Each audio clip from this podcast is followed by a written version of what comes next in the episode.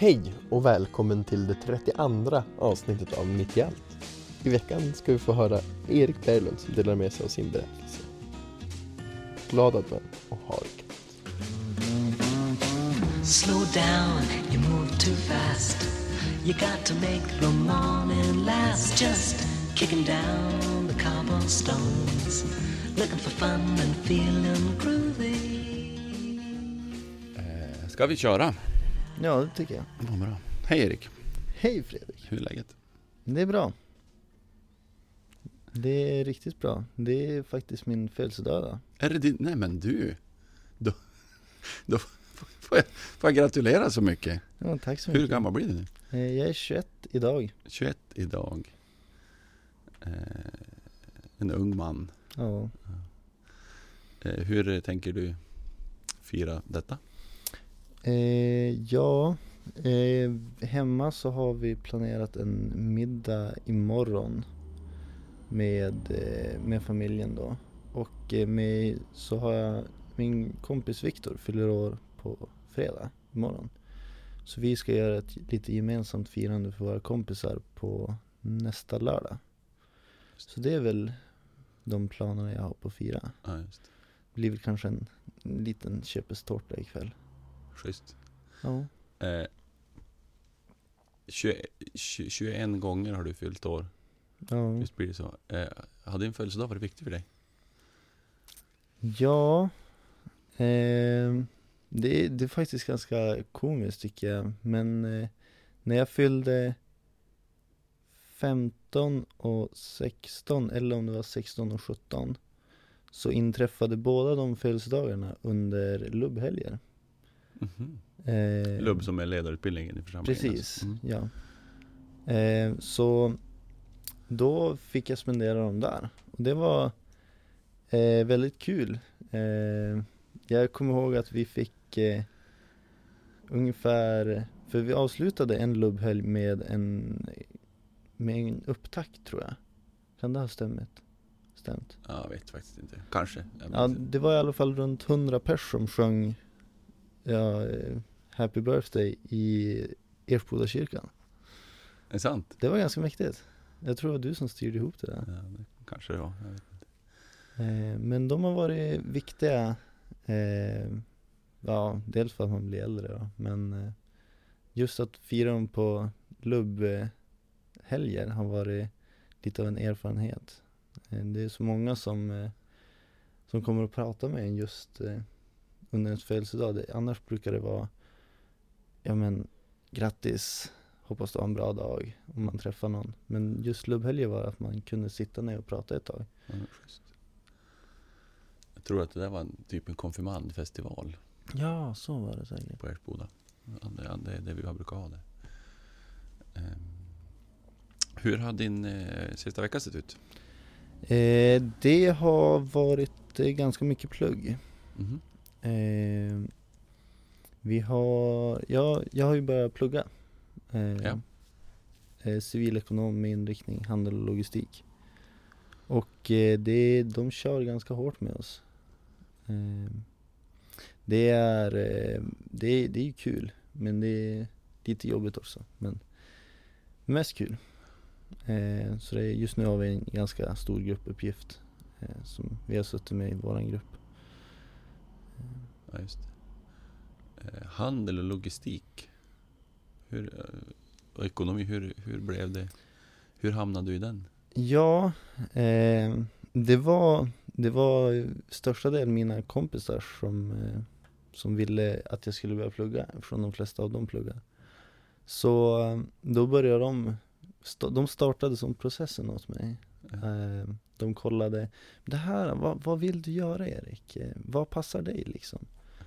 Så vi satte oss ner och kollade lite grann och så kom vi fram till att civilekonom som de pluggar tänkte, ja men det är ändå någonting som jag kan tänka mig att hålla på med, alltså ekonomi, liknande.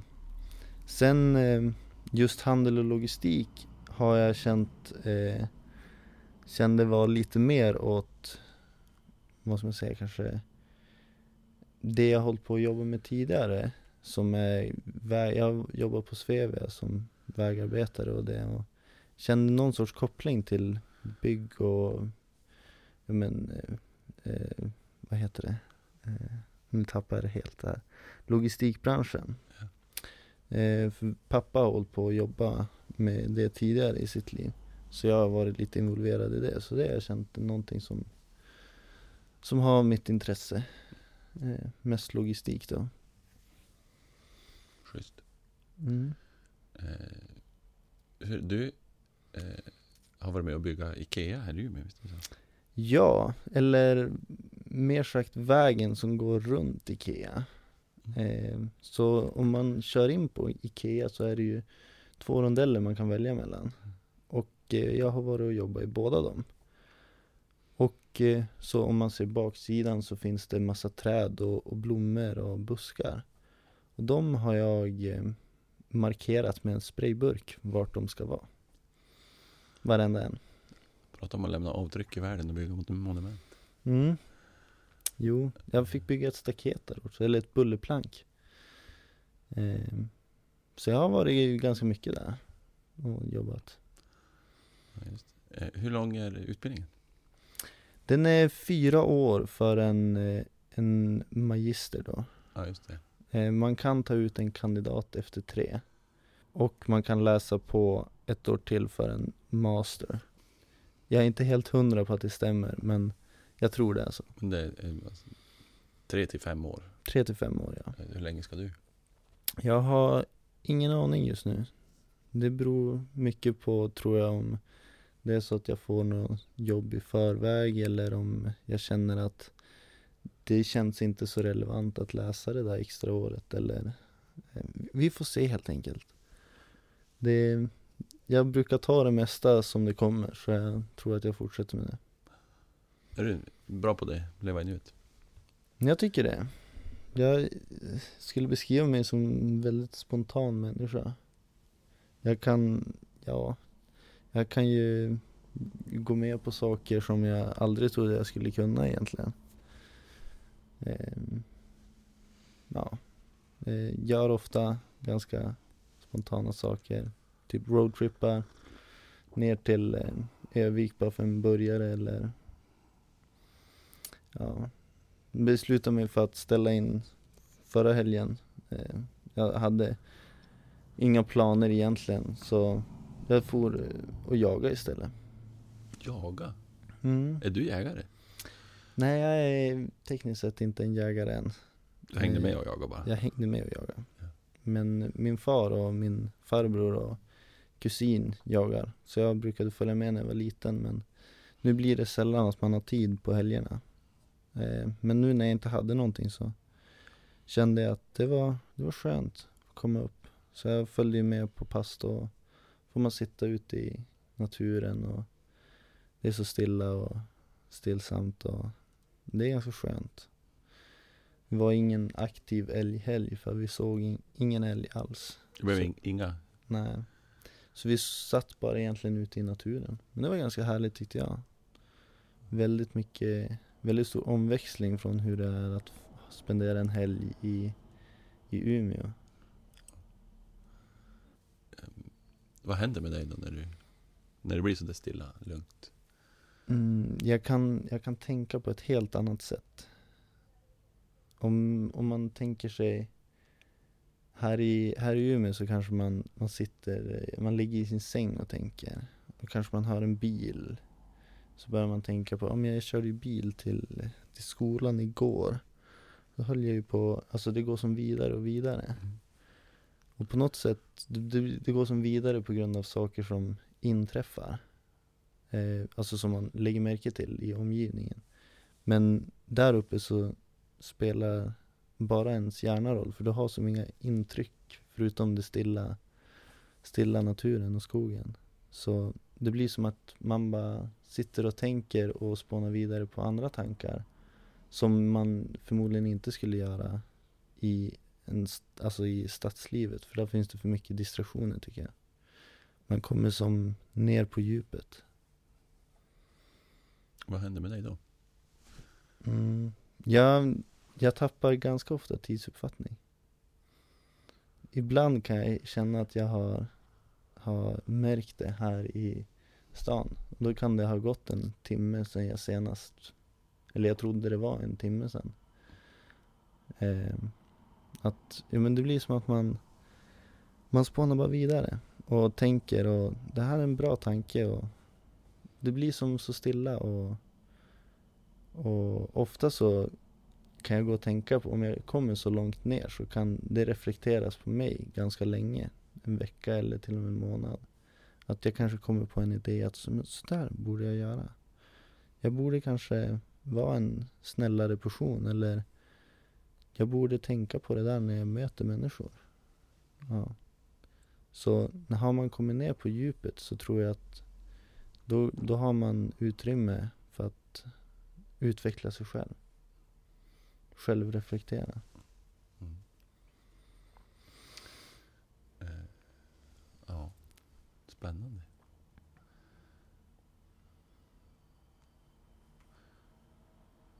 Och du hade varit med, eller har du varit med när det har blivit jaktresultat? Jo, jag har varit med ganska många gånger.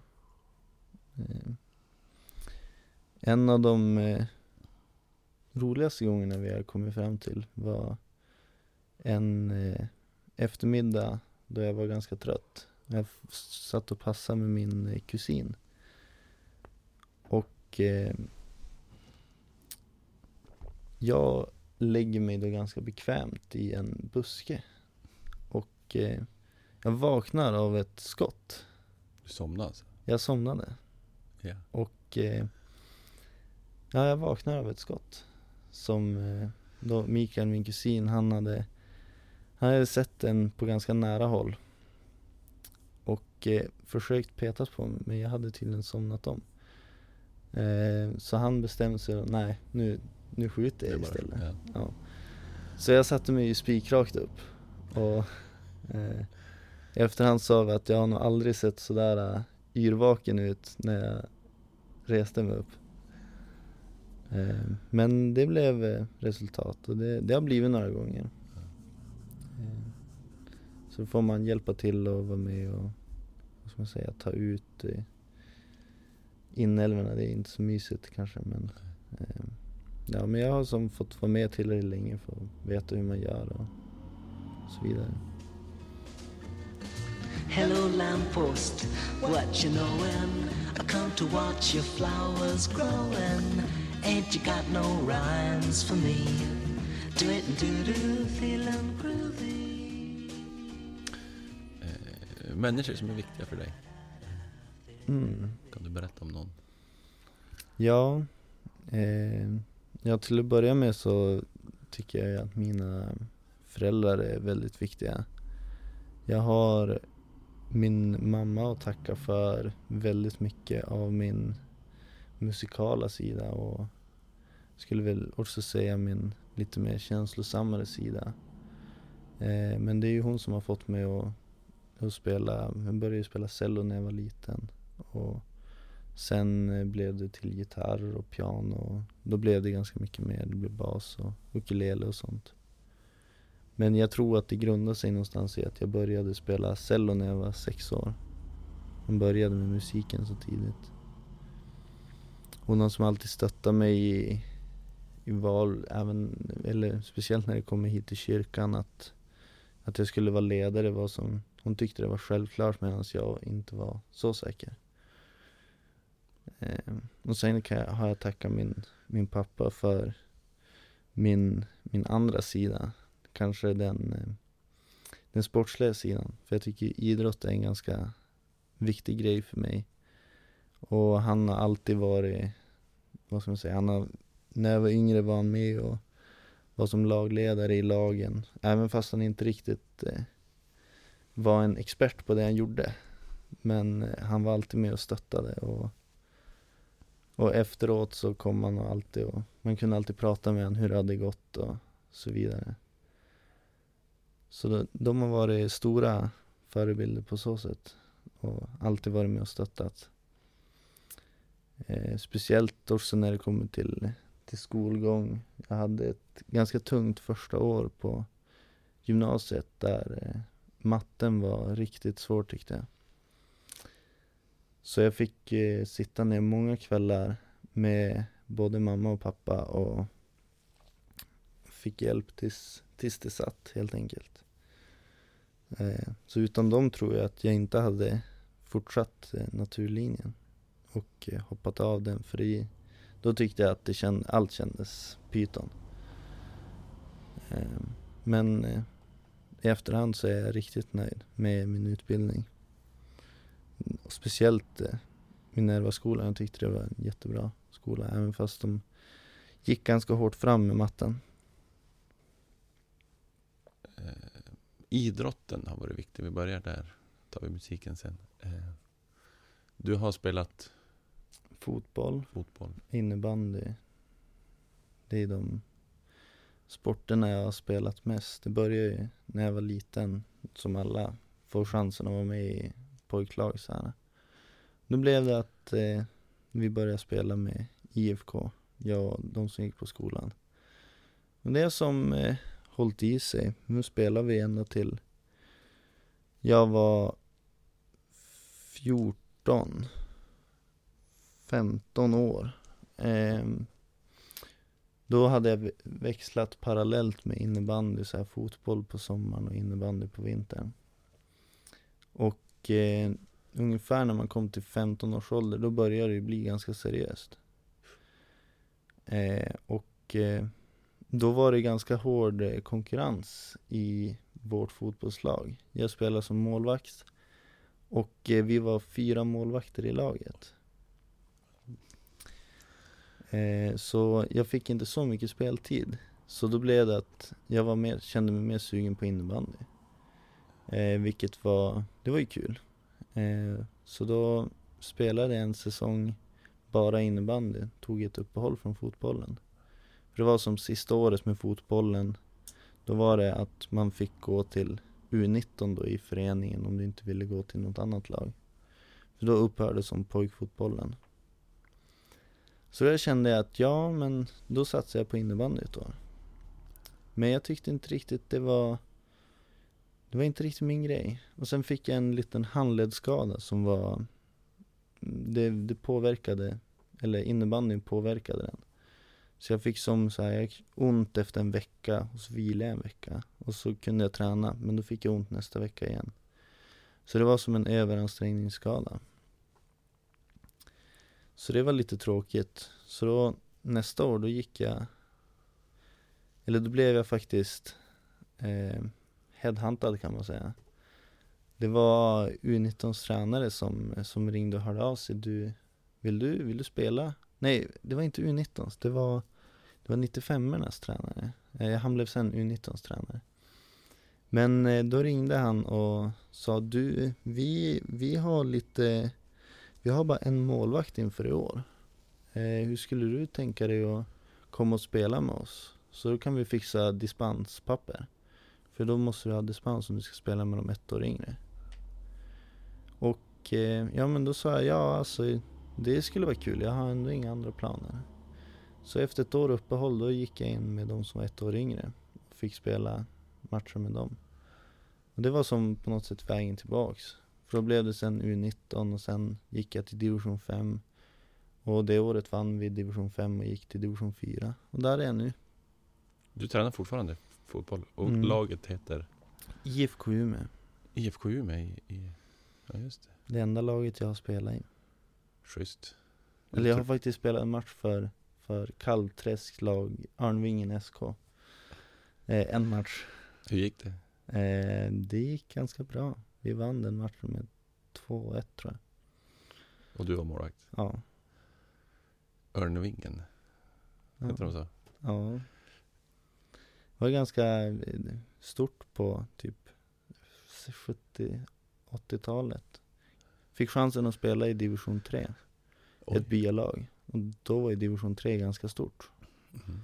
Men då hade de inte ekonomin för det. När de bara är ett byalag som tränar en gång i veckan och de kör flera, ibland flera mil för att eh, ta sig till matchen.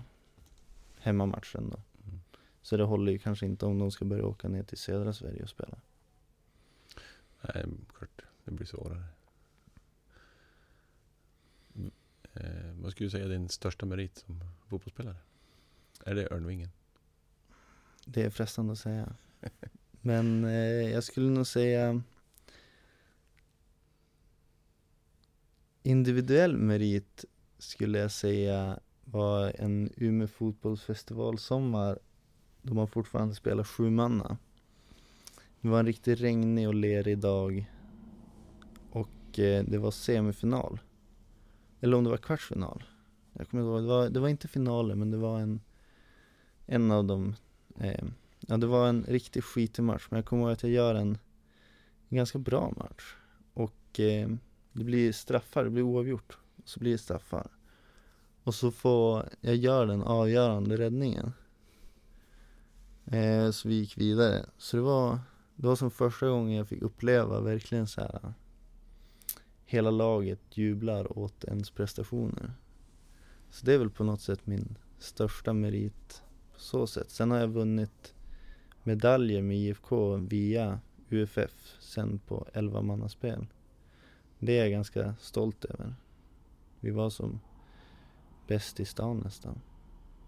Så jag är ganska stolt över att spela med det laget. Mm. Häftigt. Ja, vem, är, vem är eh, målvaktshjälten i, din, i dina ögon? Ehm, det, det är Gianluigi Buffon. Målvakt i Italien. Han har varit målvakt i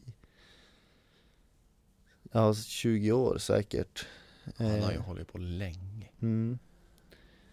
Och jag tycker också han, har, han visar ändå på något sätt eh, hjärta när han stannar kvar i, i sin klubb som han har spelat länge. Även fast, eh, det är Juventus då.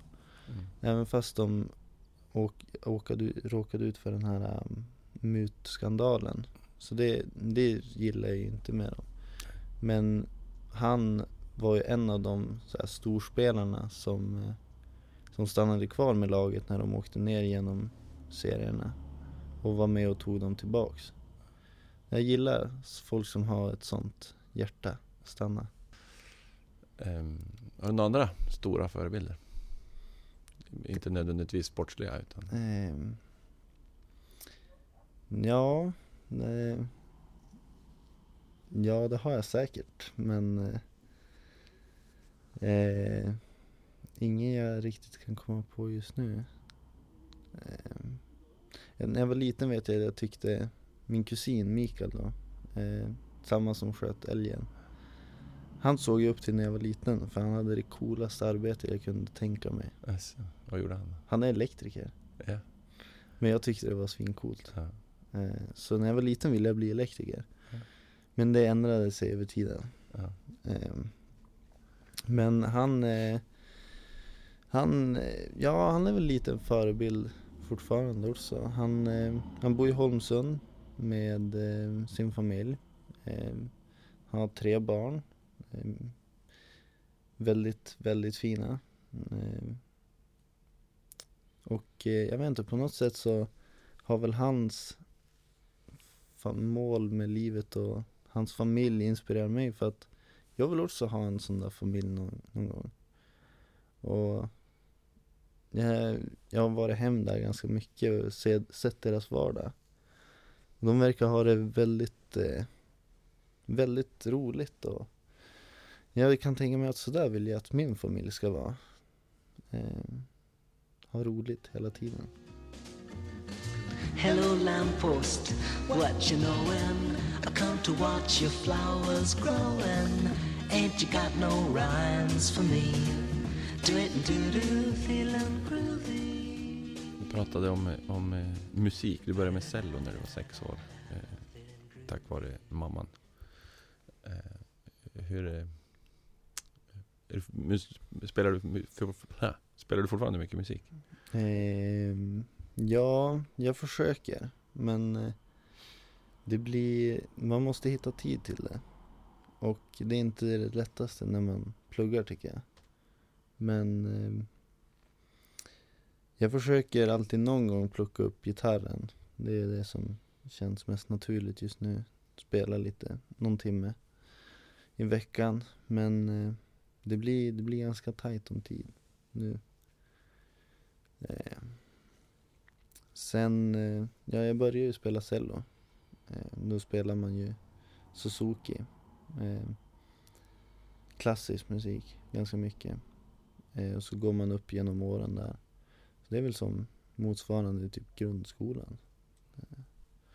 Sen när du är som klar med dina Suzuki-år, då får du välja lite om du vill fortsätta spela, vad du vill spela för musik, för då kan du få hjälp. Du kan fortsätta med klassisk musik. Eller så kan man, här i Umeå på Musikhögskolan så har de ganska stort eh, folkmusikprogram. Så det är dit de flesta går sen. Eh, då har du olika grupper som du kan spela med när du blir äldre och så vidare. Så det, det gjorde jag. Eh, men sen blev det också för tidskrävande när man är när man är ung och ska spela fotboll och innebandy och träffa kompisar och eventuellt hålla på med någon tredje sport eller liknande. Då blev det att eh, någonting fick stiga åt sidan. Men eh, jag spelar, kan plocka upp cellon ibland och spela. Du har kvar den? Jo. Eh, det är en av mammas gamla som, som hon, det är hennes första som hon fick. Eh, och den är, är ganska värdefull för henne, så den är kvar i familjen. Så den kan jag plocka upp lite då och då och spela på. Något favoritstycke? Ja. Eh, In Dreams, som kommer från Sagan om ringen. Det är som första, där. Du, du, du, du, du, du, du, Spännande. du, du, du. Ja. Det är, eh, det. är spännande stycke. Ja. Andra favoritstycken är också från ehm, Jag fick en Pirates of the Caribbean soundtrack-bok. Farcello? Ja. Så då, då kan du få en skiva till som spelar som orkestermusiken och så är det Ja. du som får spela melodin. Det var väldigt coolt. Spännande. Mm. Så jag hade några favoriter därifrån också. Ehm, eh, om vi tänker vidare musik då. ehm, vad, vad, vad går på din, din, eh, vad har du i din MP3-spelare nu? Vad lyssnar du på mest? Eh, det, är, det är väldigt brett. När jag pluggar så lyssnar jag på klassisk musik. Eller soundtrackmusik till filmer. Eh, helst musik utan sång. Okej. För är det en sång så kan du stanna upp och Jag finner mig ofta att jag stannar upp och, och tänker på texten. Eller om det är en sång jag kan så sjunger jag med. Det blir lite svårt om du ska läsa samtidigt. Mm. Det blir det. Eh, men annars kan jag lyssna på Ja, det, det är allt möjligt. Man tänker så här, jag har min förra favoritlåt Det var en låt från Tenacious D Det är ju ett eh, rockband med lite intressanta låttexter Soundtrack Jack Black startade Ja. Ehm, och min nya favoritlåt eh, Det är Danny Saucedos Dör för dig Så det är som från rock till eh, modern pop Allt möjligt. verkligen. Ja det, jag, kan, jag kan köpa allt, sväljer det mesta Mm. Det är bra, man lär sig mycket av det. mm. Ehm.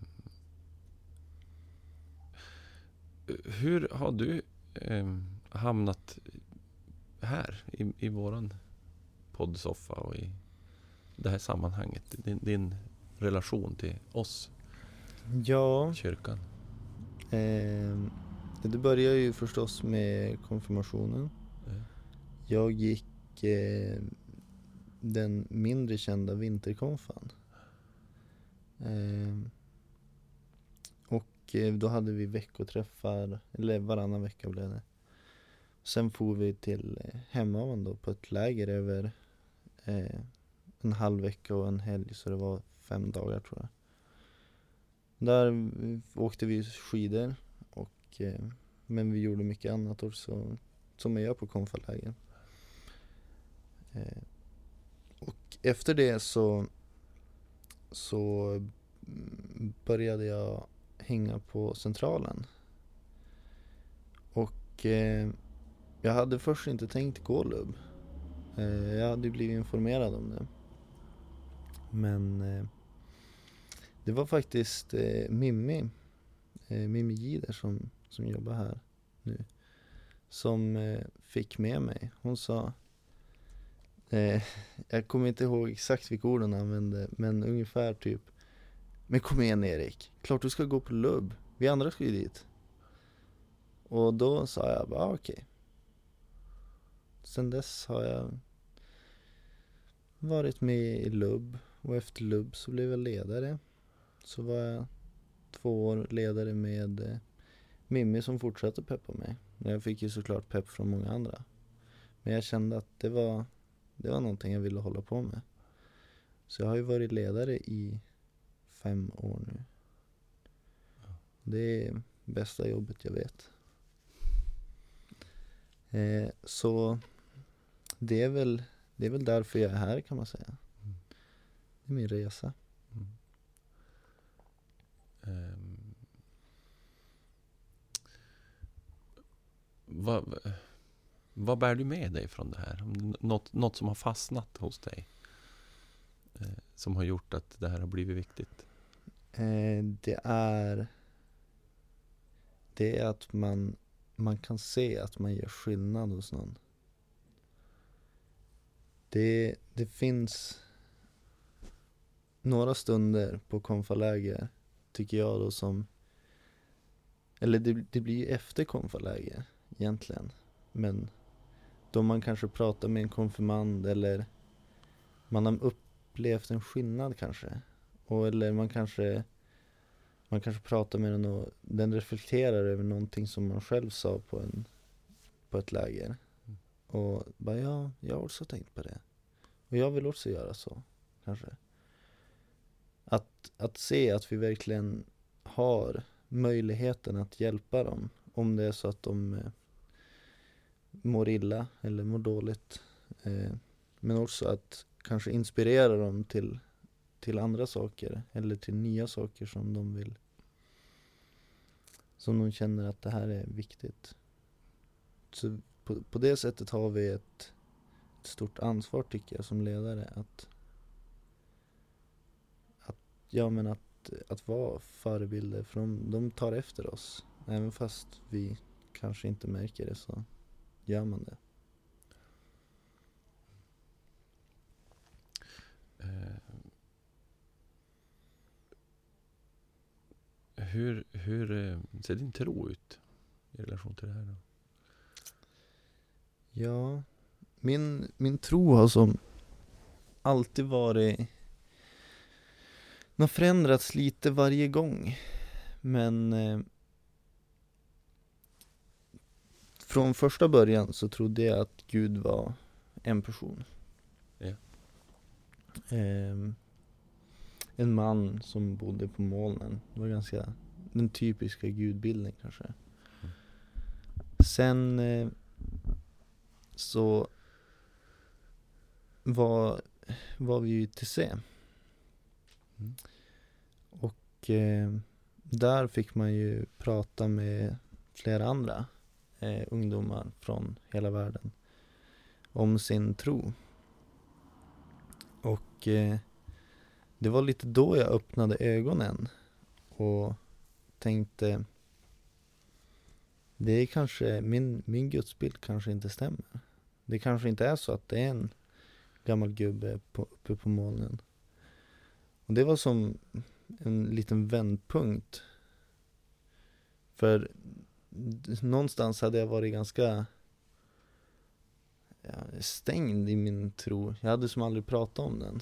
Eh, det blev det blev lite sådana samtal på min konfa men vi gick som riktigt nästan aldrig på djupet. Eh, Så på det sättet så hade jag inte hört så många gudsbild. Och sen är man kanske inte, ja, man hade kanske inte full koll på den heller när man, två år tidigare. Men det var ju som ITC jag började tänka på hur, hur den egentligen är. Och eh, under åren då så har jag tänkt mycket och den har förändrats ganska mycket eh, från år till år. Men nu har den som hittat hem i, hos mig i alla fall. Och det, då tänker jag att, att Gud är ungefär som, det kan jämföras med kraften i Star Wars. Att, eh, att det finns, att Gud finns i oss, omkring oss, den finns i allt och alla. Men eh, Gud lyssnar. Det är som Det är som att det är en, en ande om man tänker ur treenigheten. Fast väldigt många andar. Eh, och att Men den, den hjälper oss att den är med oss hela tiden. Och jag har som också tänkt om man ska förklara förklara Jesus enligt min tro. Och då har jag suttit och tänkt på att det här är Gud som finns i oss, att det kan vara starkare hos vissa människor. Och att man kan på något sätt använda Guds kraft inom sig. Och jag tror det var det Jesus gjorde. Att han tog fram sin Gud, eller guden inom sig som bor i han. Att han kunde kanalisera den. Och det tror jag kan hända andra människor också. Jag tror att Gud har verkat så genom mig vid ett tillfälle när vi var i ITC. För jag var jättesjuk i ITC. Jag var ju, jag är gräsallergiker och det var ganska mycket fält där som var nyligt slagna. Så jag var igentäppt och hostade konstant. Och jag gick på hostmedicin. Och en dag så var det riktigt illa. Det var precis innan en gudstjänst. Som jag försökte hitta Maria. Men nej, jag tänkte, jag hittar henne inte. Jag får ta det efter. Men jag satt och verkligen hostade och tänkte att en bad Snälla Gud, kan jag Om du hjälper mig med det här skulle jag vara jätteglad för då kan jag få uppleva hela TC och ta in allting utan att behöva vara sjuk. Och eh, efter det så så började det släppa. Och det var som att Maria kom och skulle ge mig med medicinen som vi brukade ta efter varje gudstjänst. Men då behövde jag den inte alls. För jag såg helt kry ut. Jag hostade ingenting eller ögonen var inte svullna. Så jag ser det som ett tecken på att Gud har verkat inom mig också. Starkt. Mm. Det, det hjälpte verkligen min tro på Gud att veta att det kan hända. Att Gud finns. Gud finns för mig. Du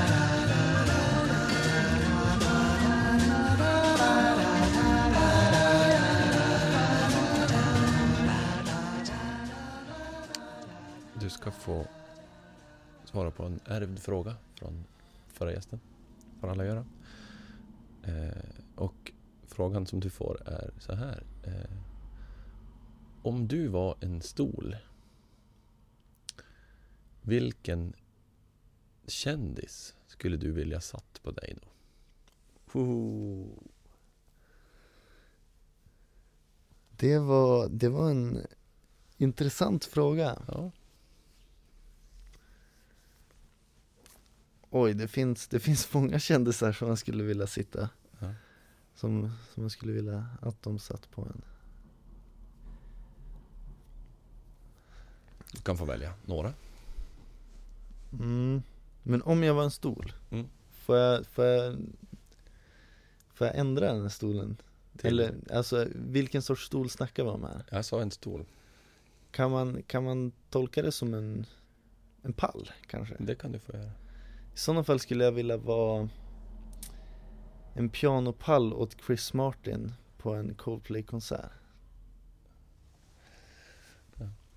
Det skulle vara ganska ballt. Mm. Är Mm. Coldplay stora för dig? Coldplay är väldigt stora för mig. De, eh, de har varit med mig ganska länge. Och jag var och såg dem senast de var i Sverige. Det var en av den bästa konsert jag varit på. Eh, men Coldplay har betytt mycket.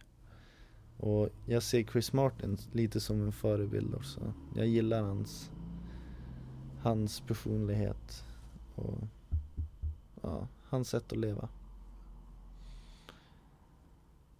Mm. Men ja, en annan stol som jag kanske skulle vilja vara är eh, Ja det är min favoritskådis eh, just nu då Tom Hardy Vad med det? eh, Han har spelat eh, Om du har sett den nya Batman-filmen där Dark Knight Rises Det är han som spelar Bane Han är med i den nya Mad Max Jag har inte sett. Ah, okej. Jag ja. Du får kolla upp han. Jag får kolla upp honom. Jag tycker han är en eh, härlig skådespelare. Eh, Jag skulle gärna vara hans eh, skrivbordsstol. För jag tänker att han, det känns som en man som spenderar ganska mycket tid åt skrivbord. Kanske skriver memoarer eller betalar räkningar vid ett skrivbord. Lite old fashion. Så är det så. Ja, jag tänk, tänker han lite så. Ja. Antingen det eller så är han ganska helvild. Det är som antingen eller. Ja. Mm. Ja. Du ska få eh, ställa en fråga till nästa gäst. Ja. Eh. Och eh. det här, jag vet inte, den, den förutsätter kanske att eh, eller nej, det, det spelar kanske inte så stor roll. Men min fråga är Vilken känd person, död eller levande, skulle du helst vilja gå på en dejt med? Oj. Spännande. Eh, då får du själv svara på den frågan. Ehm, ja, oj. Det hade jag inte tänkt att jag skulle göra. Men eh, jag tror att jag skulle säga en... Jo, Jesus skulle jag vilja gå på dejt med. Varför då? Dels för att få en egen insikt om man. Eh, tror att det hade varit ganska givande att få prata med han i person. Eh, det skulle vara ganska sjukt också. Men eh, det är som all, någonting vill, eftersom han är världens mest omskrivna person så tycker jag att det skulle vara ganska intressant. Eh, Sen också frågar han alla saker man vill egentligen. Eh, typ, gick du verkligen på vatten? Hur gjorde du? Ja. Nej, det skulle vara, det skulle vara intressant. En, en intressant dejt. Mm.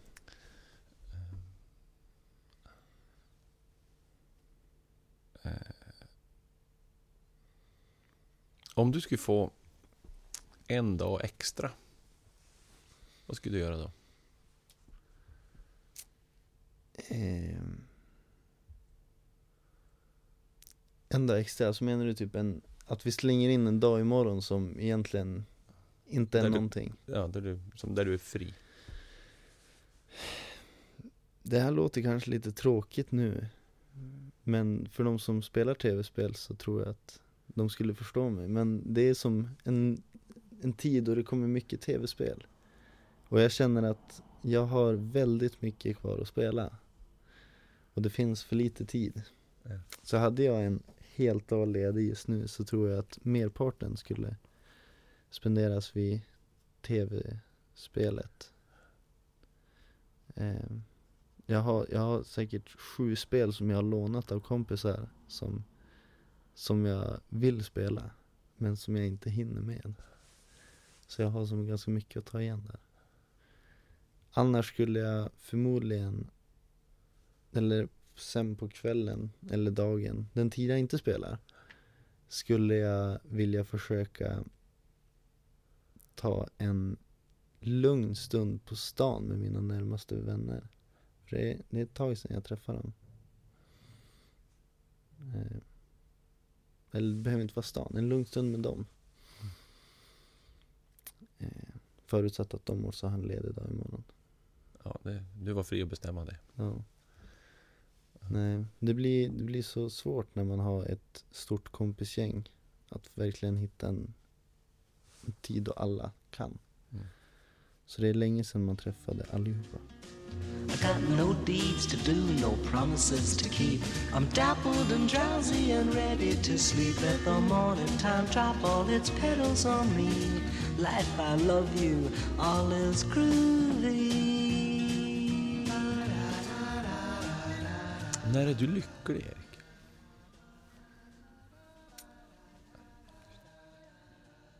Mm. En del av mig är ganska lycklig när, när jag vet att jag inte har några måste, jag måste till exempel inte fara och handla eller jag måste inte göra klart en uppgift eller när jag känner att, att jag har gjort bort allting.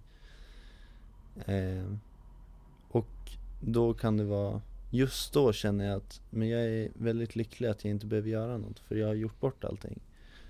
Så då kan jag känna, då kanske jag spelar tv-spel eller jag kanske kanske är med min flickvän. Eller jag, eh, jag kanske bara ser en film med, med familjen eller någonting. Då känner jag att jag är väldigt lycklig. Avslappnat lycklig. Att jag känner att jag har det väldigt bra. Eh, som känner att jag, att jag inte behöver göra någonting.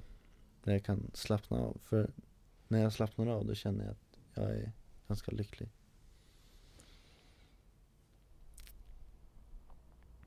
Mm. Det låter väldigt skönt. Ja. Ni glömde bort också att när man inte har något att göra och kan känna att man kan fara och spela fotboll också. Det är också lyckligt. Bara stå och latcha. Det, det är härligt. Det har blivit lite mycket plugg på sista tiden så det är länge sedan man kände sig lycklig. Eller Ja. nej, det är det inte men man känner sig avslappnad. Man kan känna sig lycklig ändå. Men just när man är sådär avslappnad och inte har några måsten.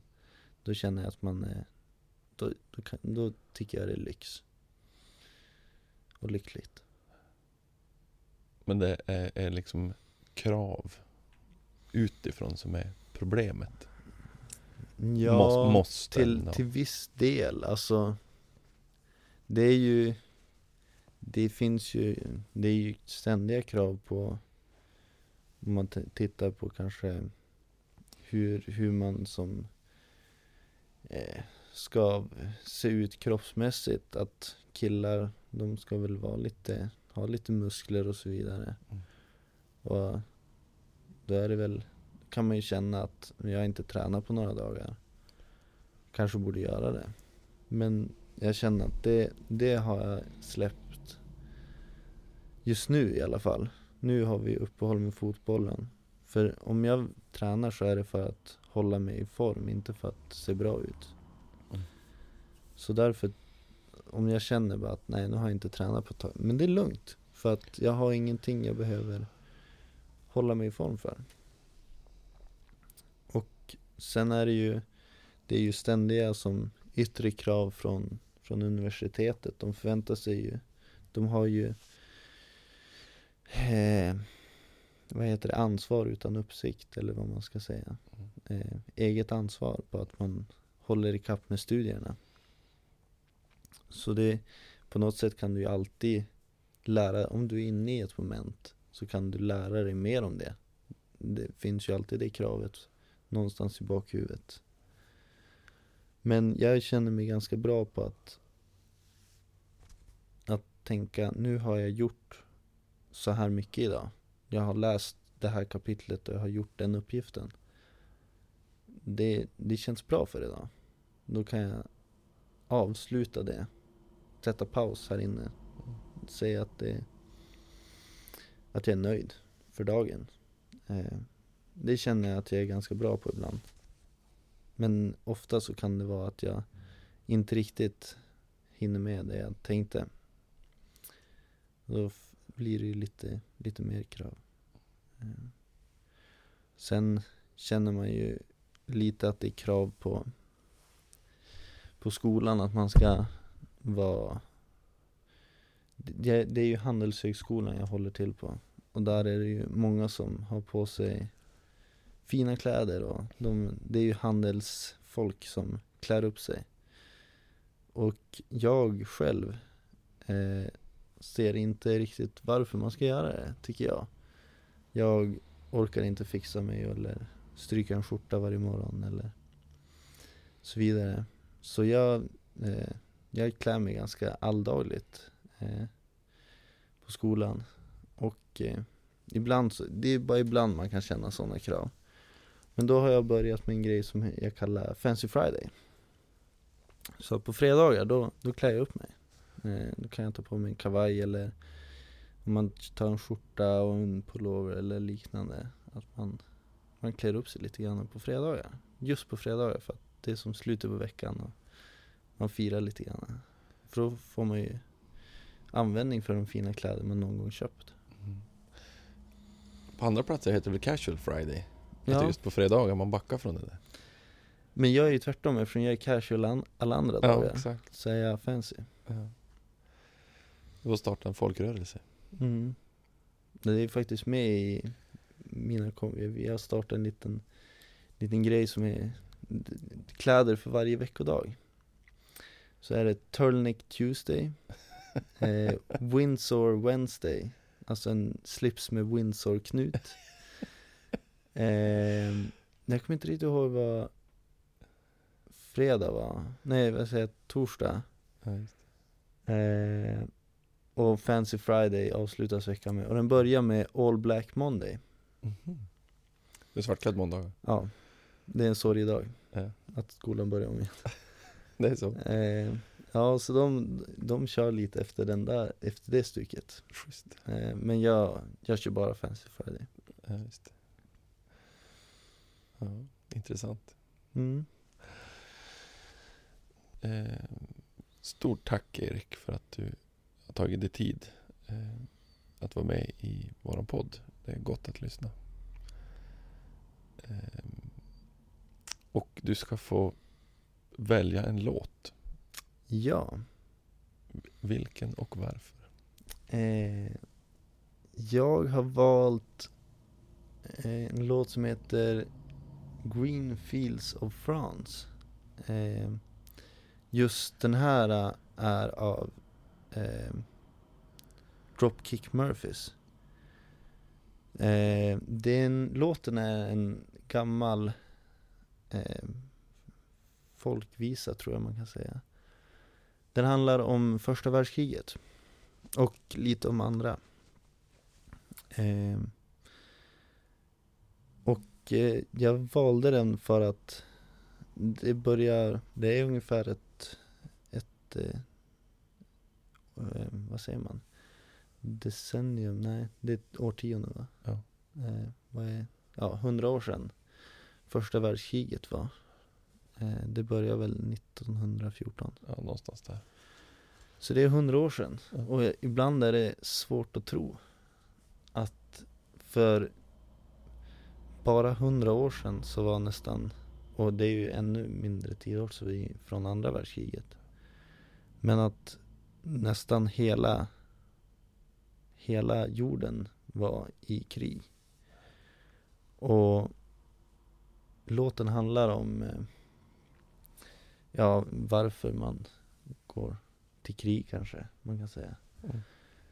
Ehm, och det känns, jag tycker det känns ganska relevant nu i, i dagens samhälle när, när det är den här flyktingkrisen som blir bara värre och värre. Att det är fler och fler människor tvingas fly från sina hemland.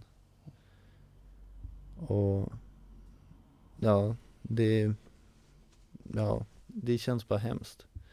Och det känns som att eh, blir det ännu värre så så kanske det blir ett till världskrig. Men man vet inte. Men Eh, det, det är i alla fall hemskt i nuläget. Och den här låten är väl, handlar väl om, om det. Fast om första världskriget. Att det var hemskt.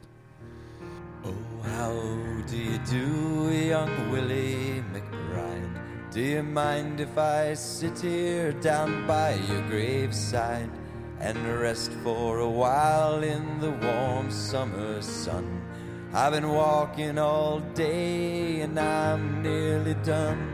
And I see by your gravestone you were only 19 when you joined the great falling in 1916. Well, I hope you died quick, and I hope you died clean. Oh, Willie McBride, was it slow and obscene? Did they beat the drum slowly? Did they play the fife lowly? Did they sound the death march as they lowered you down? Did the band play the last post and chorus? Did the pipes play the flowers of the forest?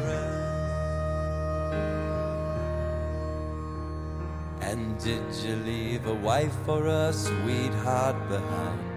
In some loyal heart is your memory enshrined. And though you died back in 1916, to that loyal heart you're forever 19. Or are you a stranger without even a name?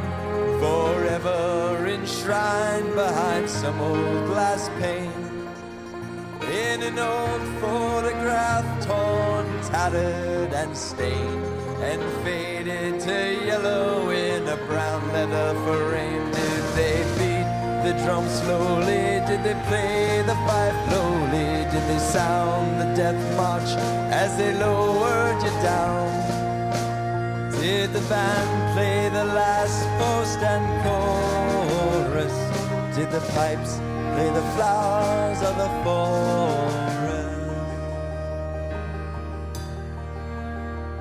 The sun shining down on these green fields of France. The warm wind blows gently and the red poppies dance. The trenches have vanished long under the plow.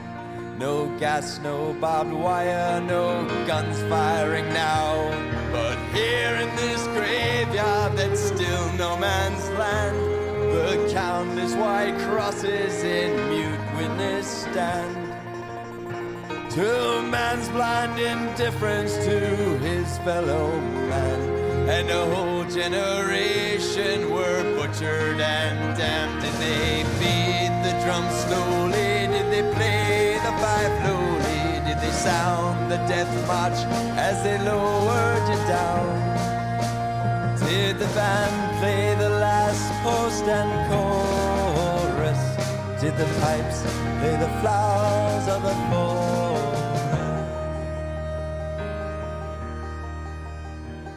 And I can't help but wonder, no Willie McBride, do all those who lie here died? Did you really believe them when they told you the cause? Did you really believe that this war would end wars? Well, the suffering, the sorrow, the glory, the shame, the killing and dying, it was all done in vain. Oh, Willie McBride, it all happened again, and again, and